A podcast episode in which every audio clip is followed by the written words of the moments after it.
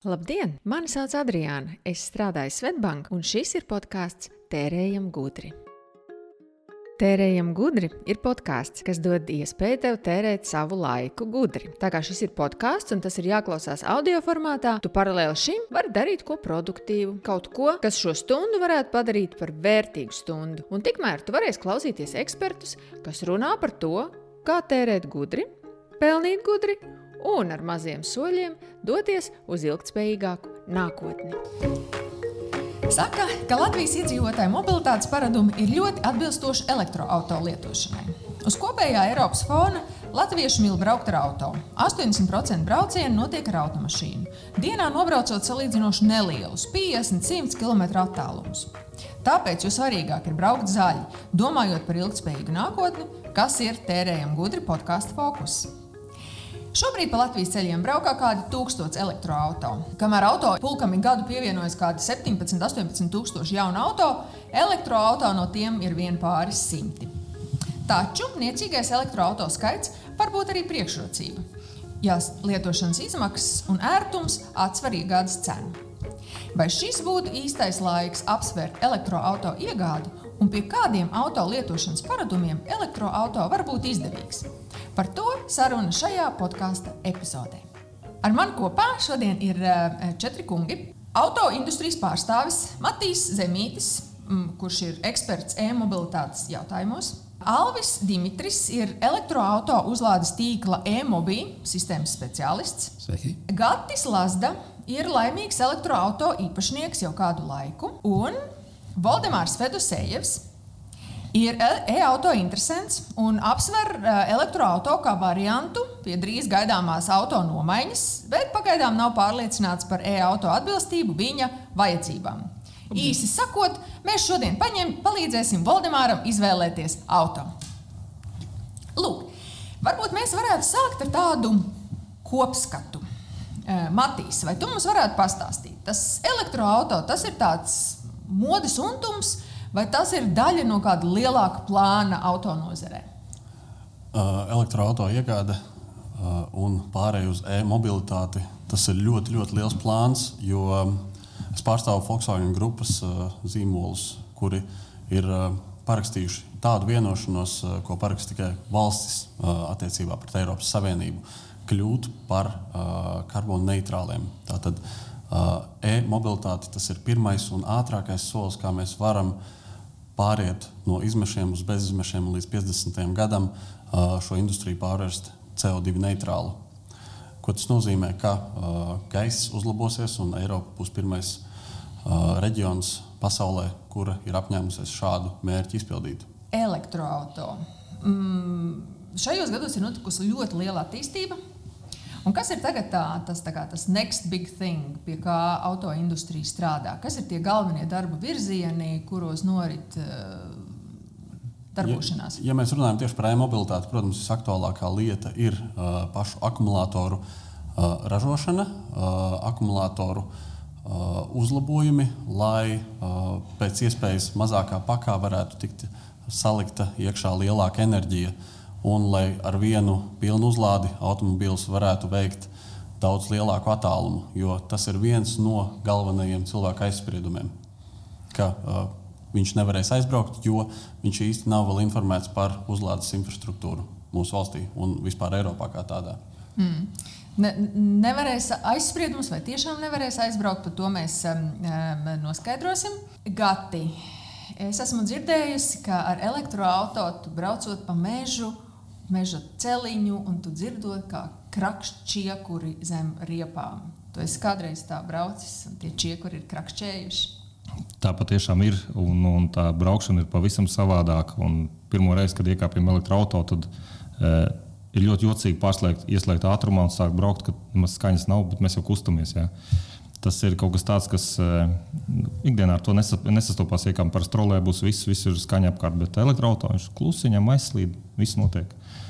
Kas bija tava motivācija savulaik? Kāpēc tu nopirki elektroautorātu? Cik sen tev ir jau elektroautorāta? Nu, jau vairāk kā gadu jau, un, un tad es redzēju auto jau ziemā un vasarā, jau var izdarīt secinājumus. Jau, e, arī no sākuma biju skeptisks, meklēju, skatījos, e, e, kas tad varētu būt tas, un, un, un kas, kas tad bija tā motivācija man, man iegādāties to pašu auto. Ir, sāku skatīties, man no sākuma bija vecs auto, dīzeļdzinēji, kurš bija jāremontē, kur jāliek visu laiku naudu iekšā, un, un tad viņš iet, tad viņš neiet, tās ir problēmas, nērtības un tā tālāk.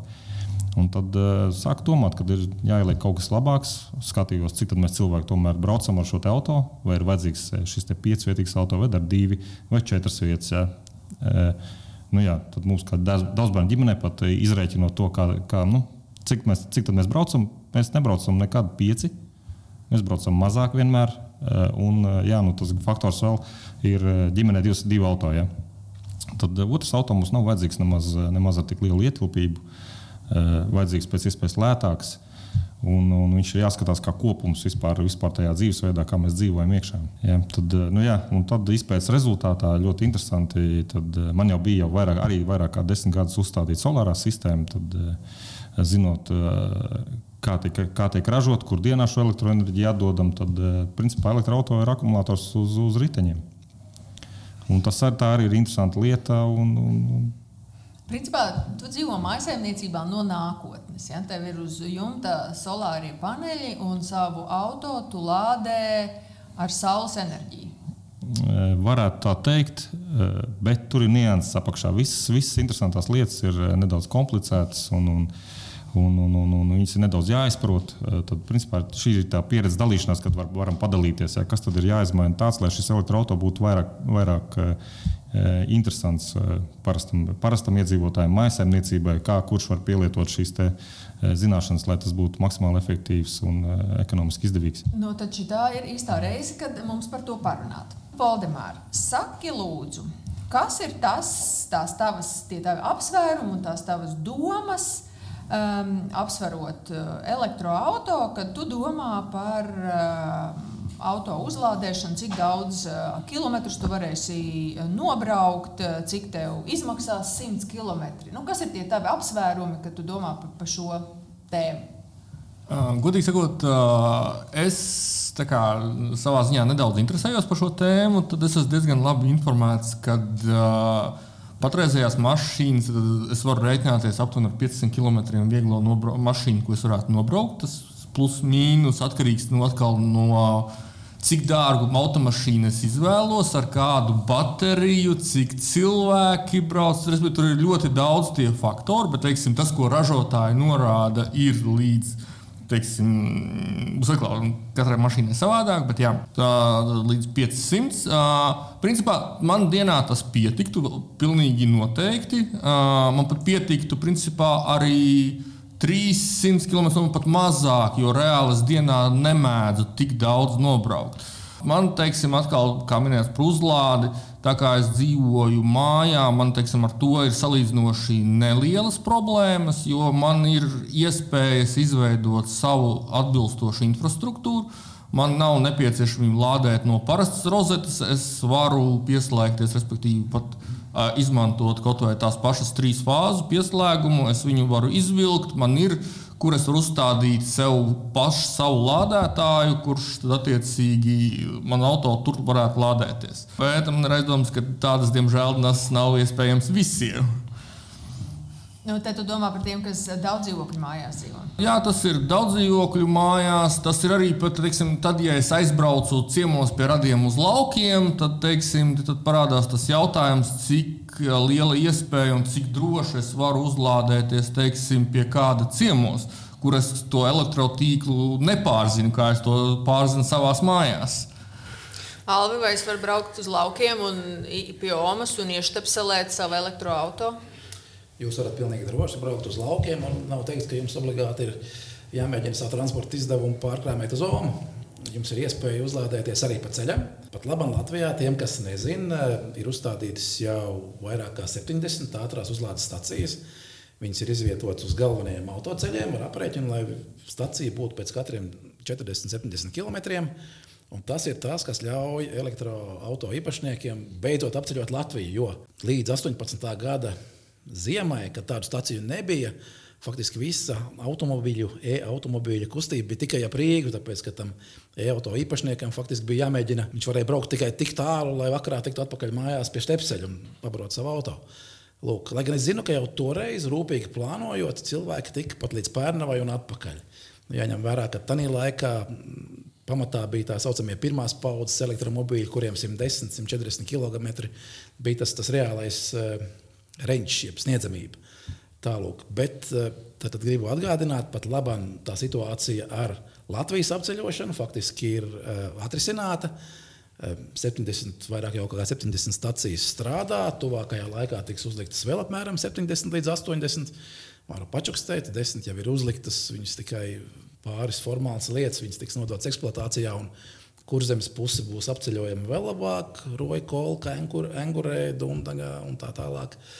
Un, un, un tur būs iespējams piebraukt. Un 5, 10, 15 minūšu laikā dabūt savā auto iekšā atkal nākošos 100 km un braukt tālāk. Smēķētājiem vispār ideāli piestāj uz pīpēt, auto atkal ir gatavs, braucam tālāk. Tā kā nemocīsim omas vai radaniekus, mēs paši, ja varam atļauties elektromobīlu, mēs noteikti varam atļauties eh, uzlādi pa ceļam. Vēl viens uh, fiks uh, momentiņš. Mēs zinām, ka tie elektroautorāta īpašnieki, kas dzīvo privātmājās, mājās, Viņi Latvijā ātrās uzlādes stacijās, publiskajā tīklā lādējās apmēram vienu līdz divas reizes mēnesī. Tātad kaut kādos īpaši tālos izbraucienos, nezinu, uz Liepāju, uz, uz, uz Latvijas pusi, kur netiek turpat pakaļ. Bet tātad 90% gadījumu cilvēki lādējas mājās, lādējas pa nakti, kad elektrība ir lētāka, izmantojot gudros lādētājus, kurus mājās var uzlikt un kas pieskata, lai tajā brīdī, kad jūs mājā iekšā ieslēdzat tēkānu, lai jums nešķautu visus korķus, tad viņš adaptē uzlādes ātrumu atkarībā no pieejamās jaudas. Jums vienmēr elektrība būs gan mājās, gan mašīnā. Nav problēmas ar autobarošanu pat labam. Bet tomēr lielākā daļa Latvijas iedzīvotāji dzīvo dzīvokļos. Daudz dzīvokļu mājās, dzīvokļos. Tam gadījumam es esmu ļoti labs piemērs, jo es dzīvoju 30 km no Rīgas. Katru dienu man sanāk līdz 80 km nobraukt ar mašīnu. Es dzīvoju daudz stāvā mājā. Mums, diemžēl, pat pilsētā nav uzlādes iekārta, bet man uzlāde atrodas darbā. Un es mašīnu nelādēju katru dienu, es viņu lādēju katru otro, trešo dienu. Ziemā, nu labi, katru otro dienu. Uh, lai būtu tāda drošības sajūta. Bet tas pat uh, ir vēl, viena, vēl viens uh, arguments, kāpēc nav tā, ka tūlīt tīkls tiks pārslogots, uh, mašīnas nav kur lādēt, un mēs viņus nevaram iegādāties. Un es arī es braucu jau ar vairs automobili, kur, kur vairs neražo, kas ir e-golfs, un ar to vairs var nobraukt 230 km. Ar pilnu uzlādi, un ar to man pilnībā pietiek, lai es trīs dienas braukātu un vispār par uzlādi nedomātu. Bet kāds ir tas īstais kods? Tu uzlādē bateriju, tad tu nobrauc viņu tukšu un tad to kā uzlādē, jeb tu tā ik pa brītiņam uz pāris minūtītēm pieslēdzies šur tur. Uh, jā, tā kā man ir uh, birojā uzlāde pieejama, tad es uh, piebraucu, pielieku lādēties. Un, kad es braucu mājās, es viņu vienkārši noņemu no uzlādes. Tas ir arī viss, un mana uzlāde notiek desmit sekundes. Eh, bet tad uh, sanāk, um, ja tu esi darbā un pieslēdzies pie auto uzlādes, tad neviens cits tavs kolēģis nevar pa to laiku uzlādēt auto. Citiem kolēģiem ir citas uzlādes vietas, un mēs rūpējamies arī mūsu firmā iekšienē, ka, ja gadījumā mums tiek papildināts klāsts ar elektromašīnām, tad mums ir pieejama jauda, un uh, mēs uzstādām vēl papildus stācijas. Mm. Gati, kā tu lādē savu auto? Cik tu vari nobraukt uh, kilometrus? Tā ir arī tā interesanta lieta. Uh, mans auto var nobraukt 240 km. Principā. Un, un, un tas, nav, tas nav dienas limits, 240 var nobraukt vairāk. Te, uh, kolēģis minēja šīs ātrās, ātrās uzlādes. 15, 20 minūtēs jau es gribētu teikt, ka 150 km tur var, var ielādēt tajā akumulatorā. Līdzīgi es dienā nobraucu noteikti, lai nesamēlotu, nedaudz zem 200 km nobraucu. Ja, tad, tad tas jau būtu jau nedroši ar vienu bateriju pilnu no rīta izbraucot. Ja. Eh, bet par salīdzinoši nelielu naudu mājās uzstādot šo ātrāku lādēšanu, ja, kas ir mašīnai maksimālā iespējama ar kaut kādu rezervi. Eh, tad, ko es izdaru? Es atbraucu vakarā mājās no darba, ar to pašu aizbraucu uz darbu, atbraucu no darba, pielieku viņu uzlādēt. Četrās stundās viņi pielādē pilnu bateriju. Kamēr sēž vakariņas, man ir aktīvs dzīvesveids, visu laiku braukājis hokeju, tad uz Jālgavu ozolnieki un, un tā tālāk. Kamēr sēž, viņš jau ir ielādējis. Un es, man atkal sanāk jau līdz ozolniekiem un atpakaļ vēl sanāk. Tad dienas reņģis man ir daudz lielāks patiesībā nekā, nekā tā mašīna varētu piedāvāt. Ātrās lēnās uzlādes. Lūdzu, izstāstiet nezinātājiem, kas tas ir. Jā, uzlādes tas ir atsevišķs stāsts. Tad ātrās uzlādes, kā likums, ir līdzstrāvas uzlādes, un vidēji ātrās savukārt ir maģistrāvas uzlādes. Parasti tātad, ar maģistrāvu auto var lādēt ar tātad, 22 vai 43 kW jaudu, bet līdzstrāvas uzlādes, kuras ir jaudīgākas, mm, e-mobilā tīklā mums ir stācijas ar 50 kW jaudu, bet eh, principā pasaulē viss virzās uz daudz lielākas jaudas uzlādēm. Uz 100, 150 kW, 350 laikam tas ir lielākais, kas ir dzirdēts.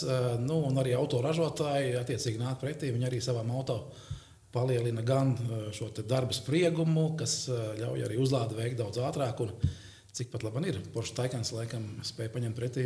Līdz 350 ir Porsche Taikan. Jā. Jā, tas ir nozīmē... par tādu cilvēcīgāku klasi runājot. Ja mēs runājam par uh, kilometriem uh, stundā, tad kāds ir tas uzlādes ātrums, cik kilometru stundā var dabūt? Es esmu redzējis uh, screenshotu, kad telefonā rāda uzlādes ātrumu 500 km/h. Tā uzlādiet. Tad, tad katrās desmit minūtēs to var dabūt 100 km. Mm.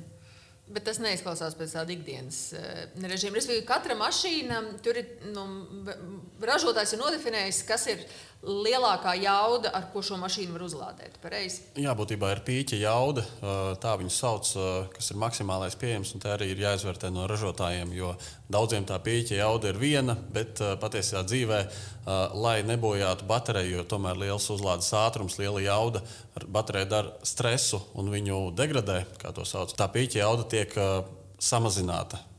Un tad tas uzlādes ātrums ir Vispopulārākais teiciens ir 80% pusstundā pie tā uzlādes ātruma, ko tā mašīna var paņemt. Un ir dažādi ražotāji atkarībā no uh, to pašu akumulātoru vadības sistēmām, dzēsēšanām. Uh, viņi var lādēties vai no nu ātrāk, vai no nu arī mazliet lēnāk, lai to bateriju tik ātri nebojātu.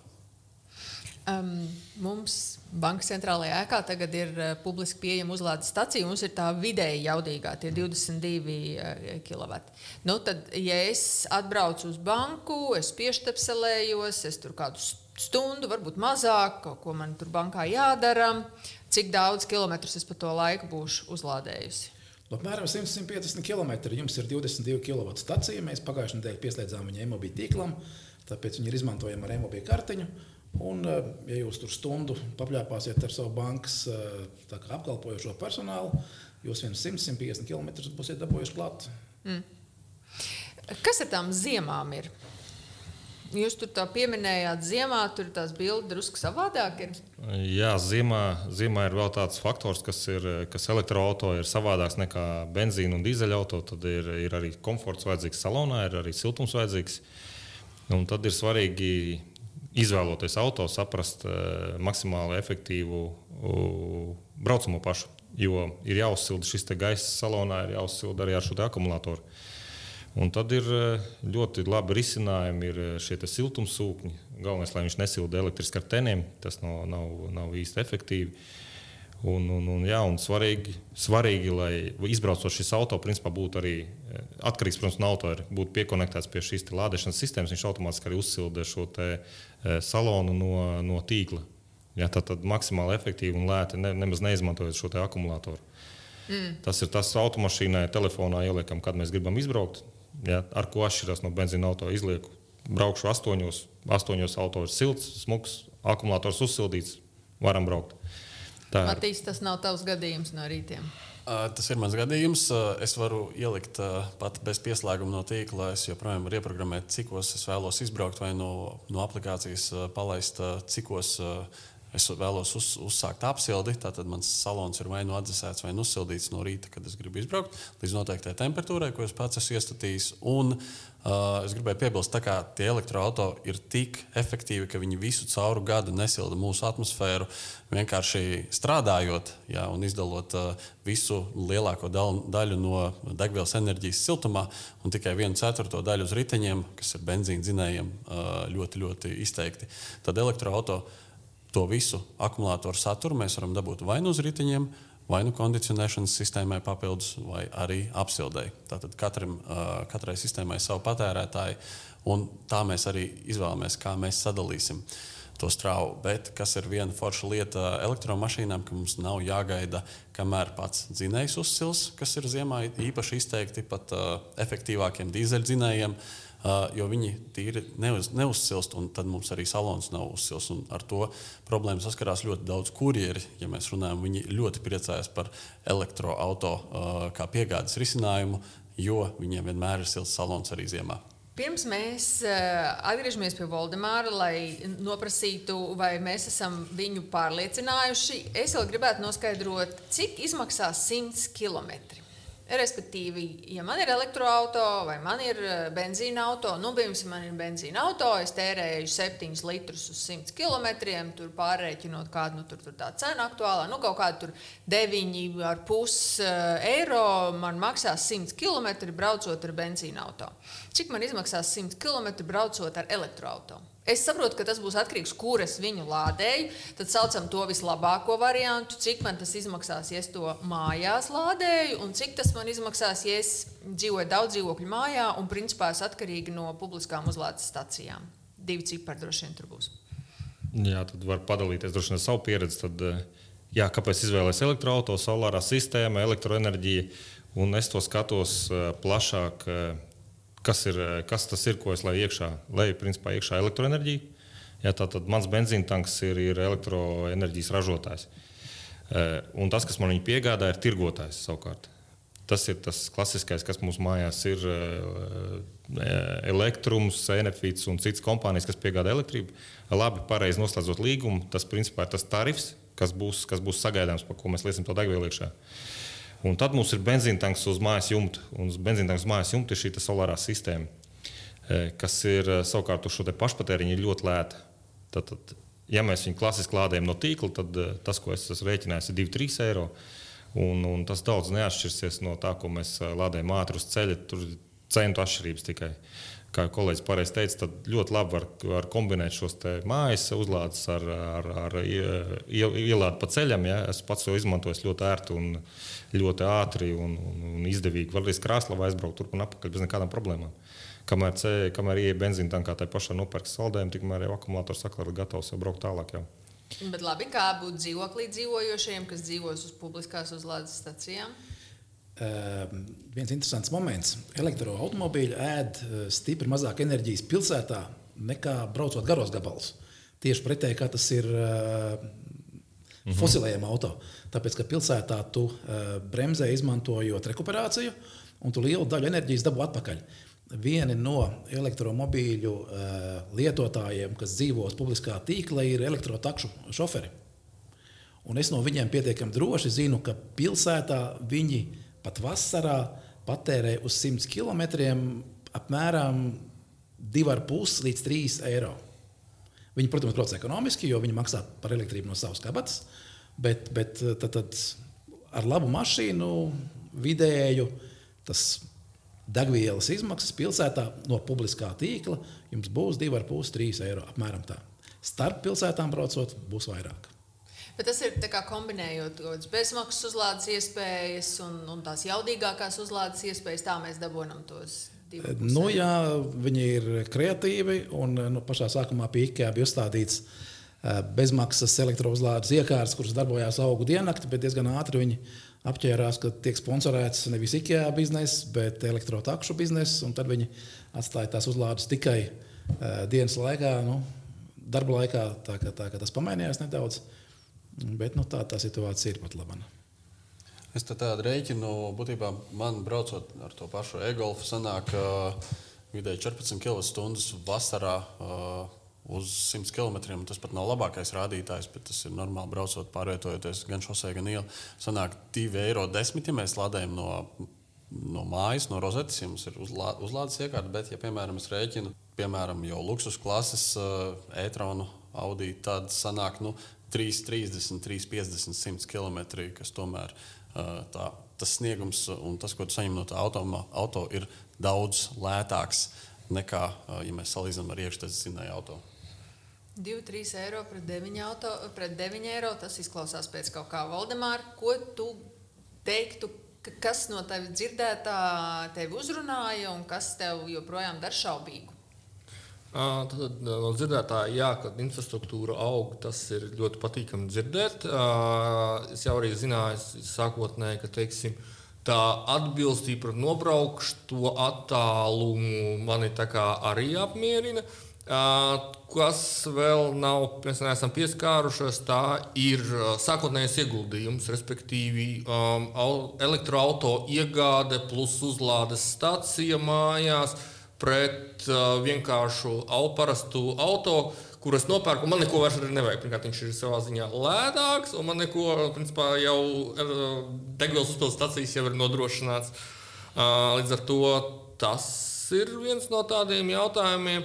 Tad arī teiksim, uh, ilgspējība, respektīvi, ne, teiksim, tā, um, atpirkt, cik gados tas man atmaksāsies par parastu auto, un tas ir teiksim, arī salīdzinot uh, pret uh, to, uh, kā tas salīdzinās ar parasto auto. Arī, uh, cik mašīnas teiksim, aiziet bojā, cik ir teiksim, uh, atbīrums baterija. No, teiksim, jo es, kad piemetu, man sanāca, ka es atpelnīšu, sāks atpelnīties aptuveni astoņos gados. Uh, tas jau sāk parādīties uz problēmas jautājums, vai nebūs baterija jau jāsāk tajā laikā mainīt cik ir tas procents, cik mašīna teiksim, aiziet kaut vai avārijās bojā. Mašīnām, diemžēl, notiek nelaimes. Tad jautājums, cik ir arī tur drošība, kas notiek avārijas laikā ar bateriju. Teiksim, daudzi šādi smalki jautājumi vēl interesē pirms vispār. Ah, un, starp citu, vēl viena lieta, ko es esmu novērojis, man ģimenē šobrīd ir tikai viens auto, bet mēs arī plānojam bišķiņu virs vidējās Latvijas ģimenes izmēru. Līdz ar to teiksim, īsti nedara četrvietīgs auto. Priekš manis ir par mazu, arī piecvietīgs jau sāk palikt par mazu. Līdz ar to teiksim, kāda ir izvēle man šajā teiksim, kategorijā. Cenas un modeļu dažādība. Ļoti labs temats, par ko parunāt tālāk. Kas tad ir tas, ar ko tas, tas jaunākais piedāvājums, ar ko mēs varam rēķināties, eh, domājot par elektroautorātu? Būtībā jaunās paudzes elektroautorāta pirmkārt uh, spēja nobraukt daudz vairāk ar uh, visu akumulātoru, ar pilnu akumulātoru, jo uh, viņas ir būvētas pavisam savādāk. Tās nav pārbūvētas uh, iekšzemes auto, pielāgotas elektroautorāta lietošanai. Baterija ir daudz lielāka, un mēs varam nobraukt nevis 200, bet līdz pat 550 km. Uh, bet piedāvājuma klāsts, protams, patreiz vēl nav ideāls. Viņš aug un uh, ražotāji nekur nespruks. Tā pēc tā paša gada uh, būs jau pieejami, pieejami auto par pieejamu samaksu ne tikai piemēram, tā pati Tesla Model X, septiņvietīgs, bet būs jau lielāka auto. Patreiz Tagad mūsu jaunākais sniegums ir ID3, kas vakar tika piedāvāts pirmiem klientiem. Ar to auto klients jau var nobraukt ap 420 km, kas ir pilnīgi reāli. Pilnīgi pilnvērtīga, piecvietīga mašīna, un uh, tas tikai turpināsies. Uh, jau bija jautājumi par. Cik tāds ID3 maksā? Lūdzu? Viņiem cena bija sākot no 30,000, bet tā kā Tika pieminēts tas pats siltumsūknis.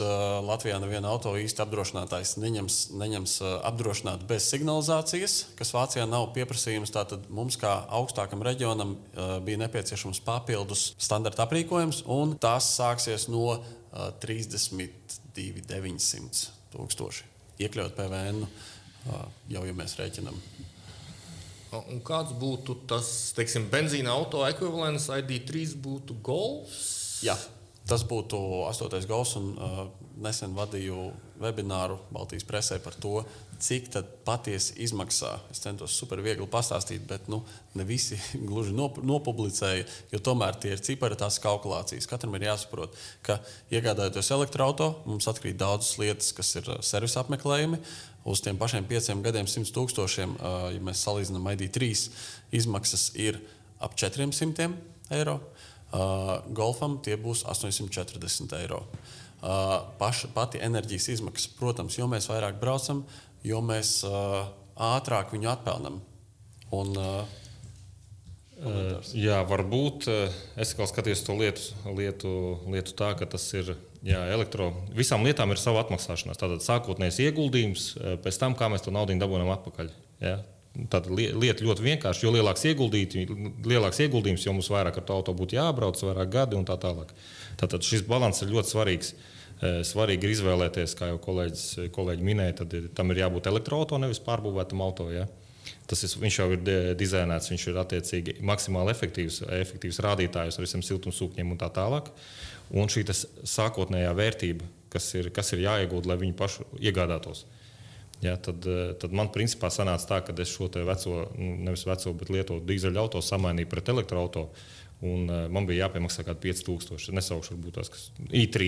Ja? Tātad es pārgāju no lielākas mašīnas, teorētiski uz mazāku, bet um, braucam mēs mazāk cilvēku. Un, un, un tad, tam visam ir efektivitāte uzreiz. Tā kā, un šis reņģis pat uh, varbūt nebūtu tik svarīgs. Svarīgs ir tas, vai viņš der tajā, tajā kopējā sistēmā, kurā mēs darbojamies. Ja? Nav svarīgi, viņš nobrauks 800 vai 900, svarīgi, vai viņš man atmaksāsies. Jā, tā, tad, e, tā mašīna, kas nobrauc, e, droši vien, kad e, nezinu, minējuši Porsche vai vēl kaut kas, viņi maksā sākumā kosmosu. Tas nozīmē, ka viņš neatmaksās nekādīgi 8, 9 gados. Droši vien, ka tie būs 20, ja mēs rēķināsim par tiem pašiem parametriem, principā. Jo elektroenerģija mums maksās tik, cik viņi maksā. Sākotnējais ieguldījums ir tas, kas ir ļoti svarīgs, kas pēc tam ir jāatpelnā atpakaļ. Un, un, un tad tur ir jā, šajos aprēķinos, kas vēl iet iekšā, iet iekšā šīs apkopes un kas tikai nevēl. Ja, tas ir ļoti svarīgs, svarīgs lietas. Un jo tas auto ir vienkāršāks, eh, vienkāršāks tādā nozīmē, ka eh, viņam nav jāmaina šis, šis eh, visā ceļš un tā tālāk. Un, principā es gadu esmu nobraucis, neko neesmu savā mašīnā nomainījis, tikai riepas. Ja. Un tomēr es teiktu, ka pat labam vēl elektroautorāta pirkšana parasti netiek pamatota ar ekonomiskiem apsvērumiem. Es vienkārši esmu saticis ļoti lielu skaitu no Latvijas elektroautorāta lietotājiem, izsniedzot viņiem e-mobīļu kartiņas. Es parakstu ar viņiem līgumus un izmantojot gadījumu paplāpāju. Un tie, eh, tātad, tādu, kas ir izrēķinājuši, ka viņiem elektroautorāta būtu lētāks, izmaksās vai kaut kādas kalkulācijas veids, nav vairums. Vairums ir tādu, vairums tomēr ir tādi uh, tehnoloģiskie frīki, kuri grib uh, un ir gatavi piemaksāt par to, ka viņi izmanto kaut ko īpašu. Ot, iPhone 11. Nu, cik ilgā laikā tev apmaksāsies iPhone 11? Nu, nekādā laikā. Tu vienkārši par viņu būsi samaksājis trīsreiz vairāk nekā pat, teiksim, iespējams pat līdzīgas jaudas telefonu, bet tev būs gadgets, kuru tu varēsi izmantot uz pilnu klapu. Tur, tas ir emocionāls pirkums, un, un tur nav nekā apakšā aprēķina. Tad ir cilvēku grupa, kuri grib un var atļauties to, jo tas ir trendīgi. Ir cilvēki, kas pērk e-tronus, kas pērk eh, Teslas. Tad, tad pirmo modeli 3 uz Latviju atzina Dr. Mēs, viņš arī bija atnācis un mēs parakstījāmies. Un, Viņš bija mašīnu izmēģinājis Kalifornijā, viņš bija stažēties, tur divus, trīs mēnešus nobraukāja ar īrētu Teslu. Viņš teica, atbrauc uz Latviju un saprata, ka viņš citu auto negrib, ka viņš ir Tesla. Viņš viņu paņēma tikai tāpēc, ka viņš bija izmēģinājis, viņam patika, tas bija trendīgi un, un viss. Un Latvijā ir diezgan daudz eh, zināmu cilvēku, kas vēl braukā ar elektromobīļiem. Nu, nezinu, Renārs Kaupers, piemēram, arī bija pie mums birojā. Mums meitenēm ir selfijas. Jā, tas ir jā, trendīgi. Tas ir viens iPhone, varbūt būs grūtāk salīdzināt. Tad, tad es iešu, iešu nedaudz detaļās, kā to, kā to pats izvēlēju. Kā jau teicu, tam jābūt elektroautorātam. Ja, un, un, un, un, un tad es izvēlējos tomēr to auto ar pilnāko paku, kādu viņš ir iespējams. Tad eh, korpus viņai nav no metāla, bet jau no. No, no šiem kompozītu savienojumiem jau tāda mašīna principā būs ilgtermiņā lietojama. Eh, pa mūsu ceļiem arī ziemas apstākļos. Pats galvenais, pats galvenais ir, ir šie akumulātori nomainām pēc tam. Ja, tas arī svarīgi. Ja painteresēties pie autodīlera, ja, vai šie akumulātori būs pēc tam pieejami. Mēs redzam, ka tas pats modelis attīstās, tie paši akumulātori no, eh, nomainām. Tad, principā, tas, ko es rēķinos, ka pēc astoņiem gadiem iespējams eh, arī šie akumulātori degradācija un tā tālāk, viņi būs kaut kad jāmaina. Bet mašīna joprojām būs dzīva.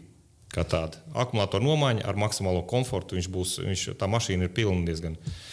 Jā, tad tev uzreiz praktiski dabas jautājums, cik tā ir taisnība. Tiksim, cilvēki bieži vien uzskata, ka akumulātora maiņa elektroautorāta sastāda diezgan lielu automašīnas vērtības daļu. Tad jautājums, kāds būtu teiksim, mašīnas vērtība otrreizējā tirgū, cik, cik tas ir reāli, ka teiksim, akumulators maksās pusi vai trešdaļu no automašīnas vērtības, un vai tas neietekmēs pēc tam iespējas šo auto vēlāk pārdot, jo vienkārši cilvēki negribēs pirkt, riskēt, ka būs jā, jāsamaksā ne tikai par automašīnu, bet jāsamaksā vēl puse no tās summas par to, lai vispār varētu turpināt braukt. Jā, tā tad uh, akumulātori nu, jau ir nomaināmi moduļu līmenī. Viena moduļa cena aptuveni 1000, uh, sākot no 700 līdz 1200 eiro. Atkarībā no tā, vai viņam ir smadzenes iekšā vai nav, vai tas ir tikai tīrs akumulators. Katram autoakumulātoru bloku skaits ir dažāds. No 7 līdz 14, uh, atkarībā no cik jaudīgs ir auto.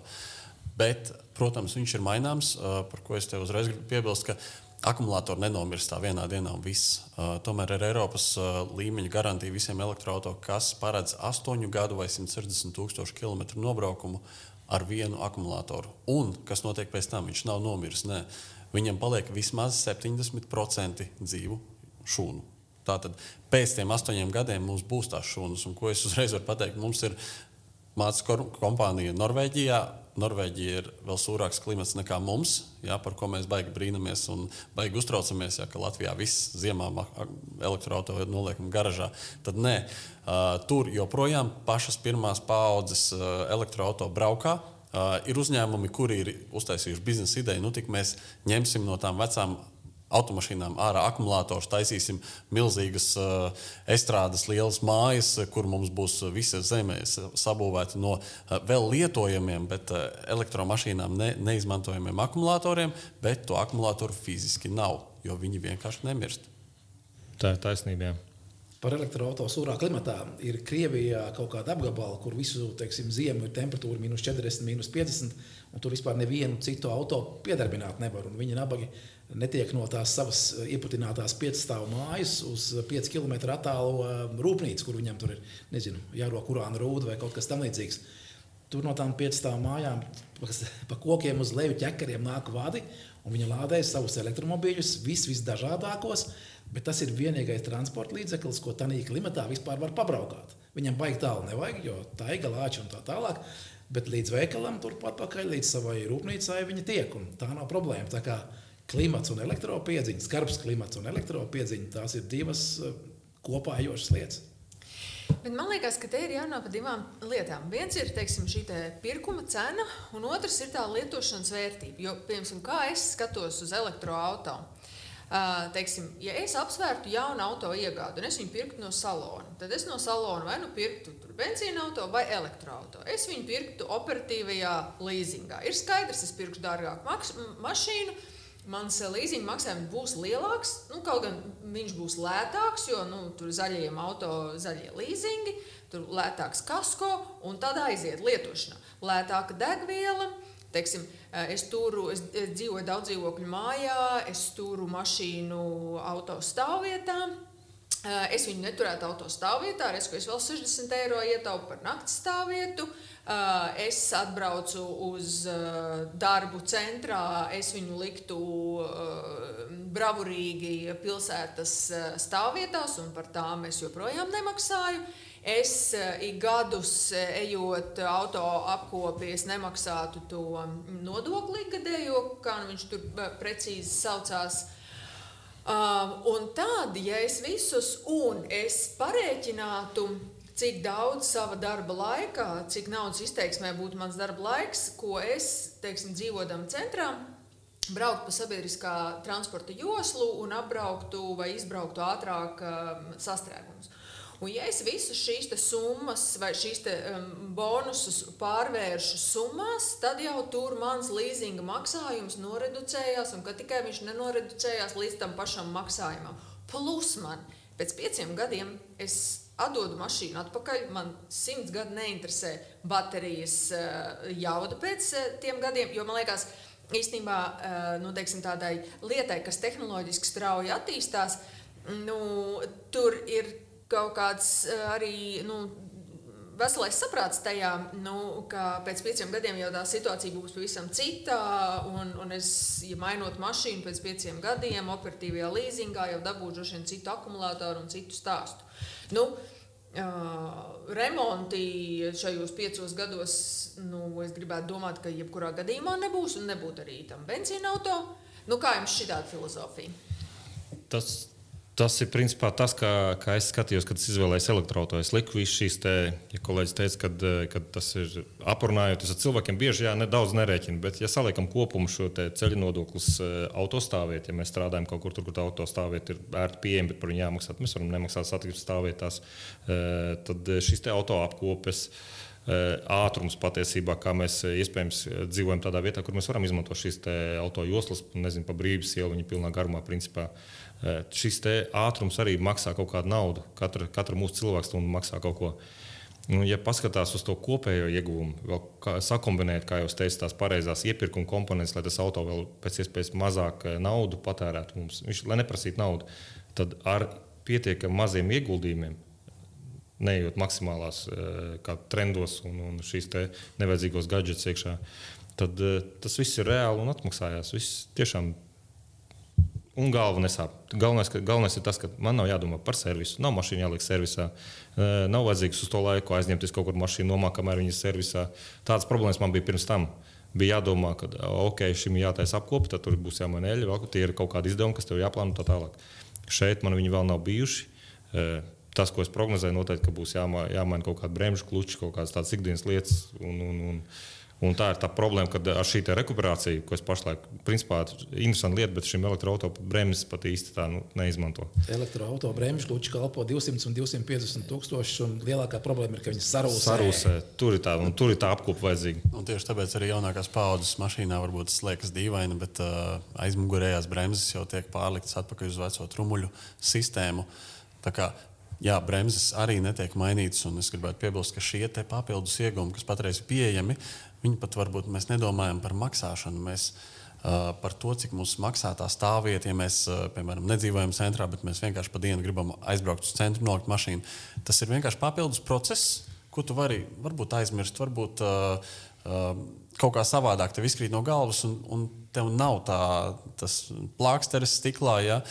Tāpat tās jūrmalā iebraukt, jā, es līdz pusnaktī samaksāšu, un viss kārtībā būs. Bet nu, kādu dienu tev atnāk tomēr tā, labdien, sveicināti, brauciet ciemos pie mums, parunāsim, kāpēc jūs nesamaksājat par iebraukšanu. Tā kā, tās ir papildus lietas, un īstenībā dažas no tām lietām, kas padara tavu ikdienu daudz, daudz ērtāku, pārvietoties tieši pilsētā. Bija ļoti, ļoti svarīgas un pārdeva vairākas no elektromašīnām tieši no mūsu dealeriem.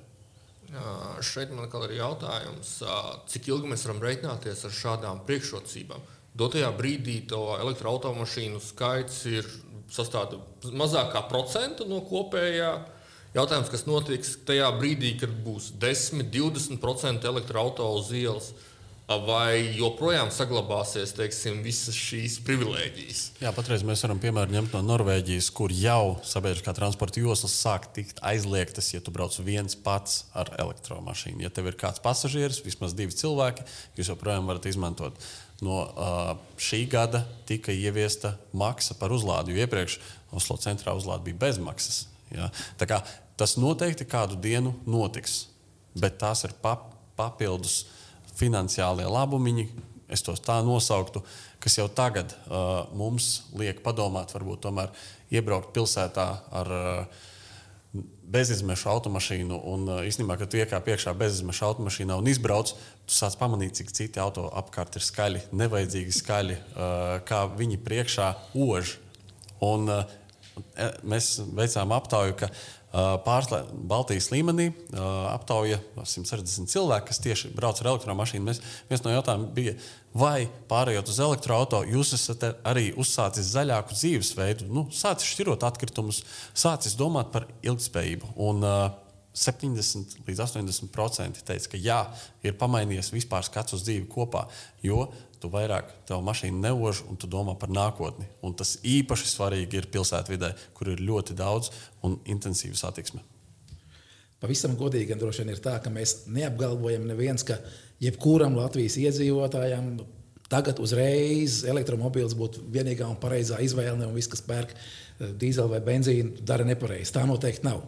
Bet tie cilvēki, kuri var to atļauties, kuri domā zaļi, kuri grib domāt zaļi, tie noteikti varētu apsvērt šādu domu. Un, un es zinu, ka elektromobīļu tests tā ir diža lieta. Man ir bijuši jauni klienti, kuri nāk pēc e-mobīļa kartiņas, jo viņš ir aizgājis pie drauga un izmēģinājis drauga uh, sievas uh, elektromobīli, kā reizes BMW tur bija. Un, un, un viņš bija izbraucis vienu mazu līkumu un uzreiz no drauga to elektromobīli arī nopircis. Es nezinu, tās sieva laikam tālāk kājām aizgāja. Un, un, un viņš tagad braukājot, dzenājoties par Rīgu ar to BMW elektromobīli, viņa izklases Mercedes un Mitsubishi Pajero stāv noputējuši garāžā. Viņš ir apmierināts kā traktors. Un, un, un tad, tā ietekme ir milzīga. Un, ja tu izbrauc vienreiz ar elektromobīli, tad tu saproti, pa ko iet runa. Un tu esi braucis ar elektroautorātu? Diemžēl vēl nē. A, tu pamēģini. Um, es uh, pilnīgi noteikti gribētu pietik, piekrist Alvim, ka mēs esam nu, tāda gara ceļa tikai šobrīd sākumā. Bet um, varbūt um, noslēgumā mēs varētu mēģināt nodefinēt, kā varētu izskatīties tā mājsaimniecība, tā ģimene, kurai varētu šodien piederēt elektroautorāts. Jā, nu tad, eh, tas, kā es to redzu, kurai varētu piederēt, tad eh, tas evolūcijas, es kaut kur esmu to redzējis, tas ir manā ģimenē, to viss redzējis. Tad jā, jāsaka, tas eh, tiešām atstāja iespaidu, kā kolēģis minēja, elektroautorāta, no kā viņš ir, vai šie materiāli ir atjaunojami. Tad lietas jāskatās kopumā. Ir. Tad es esmu sācis šķirot arī šos atkritumus, un, un tas ietekmē mūsu dzīvesveidu, un, un, un mēs paliekam arvien efektīvāki. Uh, Lai cik tas jocīgi nes, ne, nešķist, tas arī pirms tam bija ļoti skeptisks. Bet tas viss ir evolūcija. Mēs ejam, attīstāmies, ejam uz priekšu, paliekam efektīvāki. E, pirmais ir, kas mūs spiež to darīt, otrs nu, tas vienkārši ir loģiski. Un uh, lietas mainās. Un, un, un, jā, tas, tad, tas ir jāskatās viss kopumā, ne tikai kā, kā, kā trends. Tas ir, tas ir loģisks turpinājums mūsu dzīvei. Es drīzāk divos vārdos gribu pieķerties tam, kā, manuprāt, notiks šī pārējai uz elektromobīļiem. To, ka viņi būs, tam es tiešām ticu. Un, uh, es domāju, ka uh, to procesu pašu var labi redzēt vai iedomāties, ja mēs pagriežamies simts, paiem simts gadus atpakaļ. Un 1900. gads parādās, nu, droši vien, kad Amerikā no sākuma parādās pirmie automobīļi. Līdz tam visi piedzima tikai uz zirgiem. Vai bija tā, ka vienā dienā nomainījās zirgi uz automobīļiem? Tā nebija. Tas prasīja apmēram 25 gadus. Paralēli gāja zirgu piedziņas transports un automobīļi. Vai automobīļi bija labāka izvēle kā zirgi tajā brīdī? Nu, pilnīgi noteikti ne, tāpēc ka patēriņa teiksim, prasības un, un iespējas bija nu, pilnīgi garām. Tu nevari ar auto pabraukt teiksim, pāri grāvim, pārlikt pāri žogam. Uh, lai ar auto vispār sāktu braukt, mehāniķim bija no sākuma milzīgā teikana jāielēj eļļa, tad viņa jāuzsilda līdz noteiktai temperatūrai, jāielēj motorā. Tikai tad šofērs tur varēja to mašīnu pielaist. Skaidrs, ka mašīna, mašīnas teiksim, eh, patērētāja profils. profils vai, vai iespējas bija nesalīdzināms sliktāks nekā zirgam.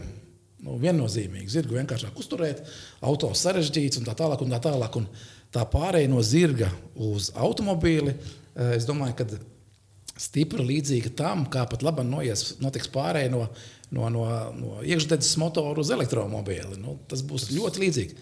Nebūs visiem uzreiz. No sākuma elektromobīļi ir sliktāki, dārgāki, grūtāk uzturami, tur infrastruktūra nav. Bet tas virziens ir pareizais. Visas pazīmes rāda, ka tā pārēja notiks. Cik ātri tas atkarīgs no Matīs. Jā, es varētu teikt, ka ļoti, ļoti atkarīgs ir daudz neskaidrības par tiem pašiem papildus bonusiem, ko mēs iegūstam pārvietojoties ar elektromašīnu. Un ļoti, ļoti svarīgs atbalsts ir no valdības. Ne, nerunājot pat par materiālu ziņu, bet par skaidrību par ilgtermiņa plānu un vīziju.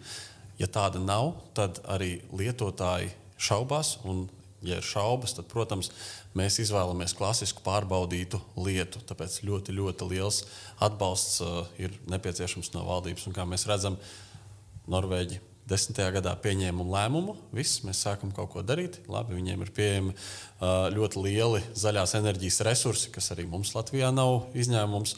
Un viņi sāka ilgtermiņā plānot, un uh, viņiem 25. gads ir nolikts kā pēdējais gads, kad būs nu, būtībā no 25. gada neviena iekšzemes jaunu vairs, vairāk nevarēs pieregistrēt.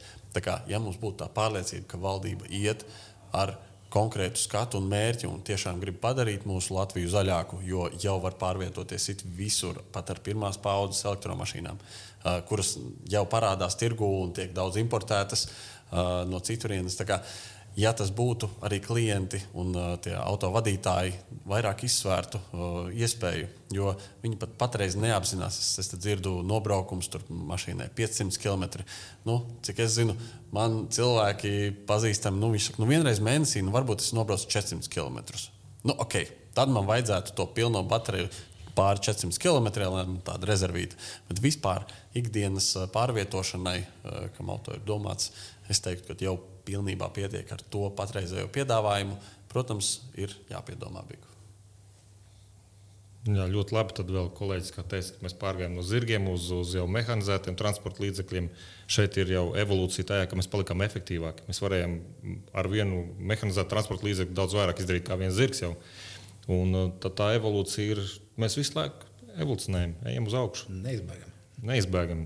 Mēs no tā neizvairīsimies. Mums jābūt efektīviem. Ir dabas resurss ir tāds, kāds viņš ir, viņš jāizmanto liederīgi. Jūs ļoti liriski mēģinājāt aizgāt, aiziet prom no mani jautājuma, bet es tomēr pie tā atgriezīšos. Labi, nemēģinām vispārināt, bet uzzīmējam kaut kādu vienu schēmu, kur mēs sakām, ja, ja tev ir šāds dzīvesveids un šāda mobilitātes paraduma, tev vajadzētu apsvērt elektroautorātu. Tad tas, ko es no jums dzirdēju, piemēram, ģimenes otrais auto kā variants. Ja? Tas, ko es dzirdēju, ja tu dzīvo privātā mājā, tev uzreiz tur. Tas, ko es dzirdēju, īstenībā, ja tu dzīvo arī Rīgas centrā un, un, un strādā centrā, arī tāds modelis, eh, dzīvesveidu modelis varētu būt. Uzlādes iespējas biroja centros, tas ir tas, kas ir Latvijas energo elektrozlādes staciju attīstības plānā. Es zinu, ka mūsu biroja centrā, Mūksāles ielā, jau ir uzliktas divas uzlādes.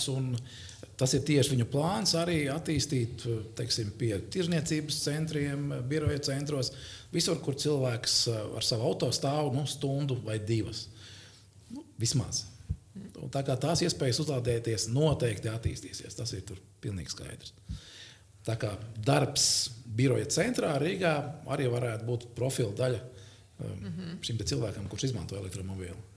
Vai profilā tur ģimenes locekļu skaits ietilpst, neietilpst? Pagaidām līdz četri. Pagaidām. Jā, es teiktu, būtībā izbrauc ar to pašu ID. Pieci cilvēki pilnvērtīgi var iesaistīties. Viņš jau dēļ tā, ka viņš ir speciāli būvēts uz elektroplatformas, viņa aizmugurē var iesaistīties pilnvērtīgi trīs cilvēki. Daudz ērtāk nekā tas bija iepriekš tādā kompaktklases auto. Nu, Valdemār, kā izklausās? Vai tu apsvērsi nākošais gads kādu elektroautorātu? Uh, Apsvērts noteikti apsvēršu. Es īpaši būs jāskatās, nākamā gada iznāks jauni modeļi, būs lielāka tad, tad interese paskatīties, kas nāks piedāvājumā.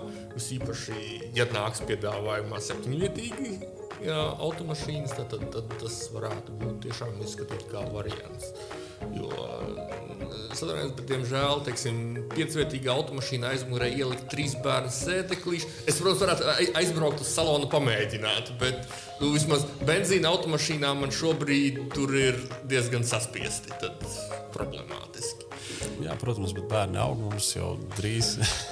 es, tie, jā, es kā reizes septiņvietīgu auto Volkswagen šārā nomainīju pret šo te elektroautorātu, kas pēc ietilpības patiesībā, jā, tur manis nevar salikt tik daudz, bet uh, ietilpība kolosāla īstenībā. Būs jāpamēģina. Jā. Nu, tad es tev pēc gada uzjautāšu, kas bija tava izvēle. Paldies, kungi! Paldies! Paldies.